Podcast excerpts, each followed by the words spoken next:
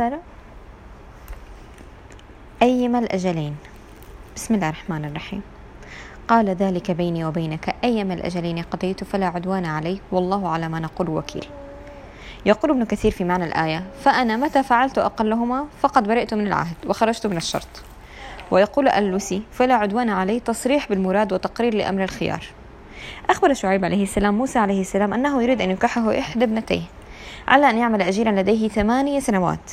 ولكن إن أتمها موسى عشرا فهذا فضل منه ولا يلزمه ذلك. فكان تعليق موسى عليه السلام هو أيما الأجلين قضيت فلا عدوان علي.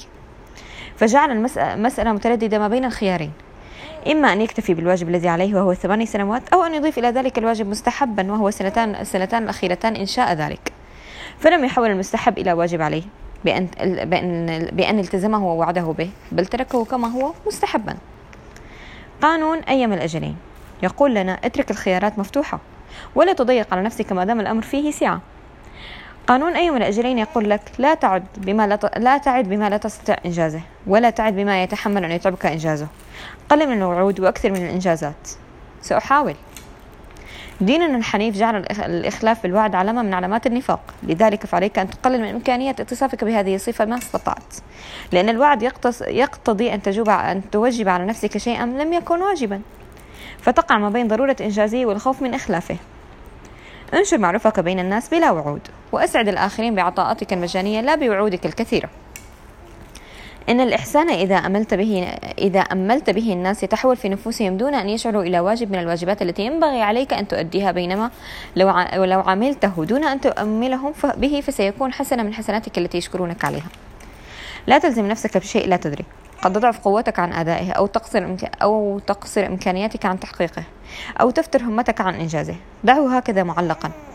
وإن احتجت أن تعد فعلق وعدك على مشيئة الله. قل إن استطعت. قل سأحاول. قل سأبذل وسعي.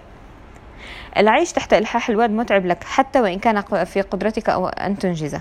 فكيف وأنت لا تدري عما سيعرض لك؟ أبشر. ونستفيد من هذا الدرس الموسوي أن تكثر الخيارات مطلب جيد عندما تمر بتجربة مفاوضة. ما؟ لا تجعل نفسك تحت ضغط الخيار الأوحد. اجعل هناك متنفسا متنفسا خيارا آخر سيكون نافذا لك وقت إنجاز إنجازك للوعد. تهب عليك منها نسائم السعة والرحابة. كلما كثرت الخيارات أمكنك أن تنجز الأفضل منها وبمهارة أفضل. كثيرا ما أقع في فخ نشوة اللحظة والرغبة في دق الصدر والتلذذ بقول أبشر. ثم في ساعة الصفر أندم وتتحول الرغبة إلى إحراج. جميلة أبشر هذه وهي ملح العلاقات الاجتماعية. ولكن لا تقلها إلا فيما هو مستطاع لك. وواضحة, وواضحة تفاصيله كالشمس. إما أن تقول أبشر ثم تتبعها بعد أيام باعتذار فهذا أمر ينقذ غزل العلاقات نقصا. إحذر من كلمة أبشر لأنك تقولها منتشيا. ثم بدون أن تشعر تجدك وقد علقك الآخرون بشين أبشر من, رجل من أبشر من رجليك. أبشر مليئة بالمروءة والرجولة. يحب الناس سماعها وقولها ولكنك إن أسرفت في إطلاقها ستقيدك. ستملأ حياتك بالإحراجات. فلا تكثر من قول شيء يملأك اليوم بالنخوة ويصبغك في الغد بحمرة الخجل. الخيارات المتعددة تجعلك ما بين أن تنجز هذا أو ذاك. بينما يجعلك الخيار الأوحد بين أن تنجزه أو لا تنجزه. بين أن تفي بوعدك أو أن تخلفه. بين أن تكون بمستوى كلمتك أو أن تكون دونها. افسح لنفسك المجال لأن تعتذر وأنت مرفوع الرأس. إن قلت سأحاول استطعت أن تقول حاولت ولم أقدر. إن قلت سأبذل وسعي استطعت أن تقول بذلت وسعي فلم أوفق. بعض الناس يلجأون إليك لا لأنهم لم يستطيعوا بل لأنهم كسالى. هؤلاء تخلص منهم بأن تجعل نصف الإنجاز عليهم. قل له ذكرني صدقني لن يذكرك سينسى. عندما كنت أعمل بمستشفى كان البعض يحرجني ليس بأن أعمل له موعدا ما بل بضرورة عمله في هذه اللحظة التي أكون فيها جالسا أحسب فنجان قهوة مثلا. فأقوم مسرعا وأنهي أمره ثم أكتشف أنه لم يحضر ليأخذ ورقة الموعد الجديد أو أنه قد راجع مستشفى أخرى وأنه نام وفاته الموعد. مع أن, مع أن ورقة الموعد الجديد قد تكون كلفتني وقتا وجهدا وإحراجا. فلم يساعدني لتصل جمالتي إليه ولم يتركني لأتمتع بفنجان قهوتي.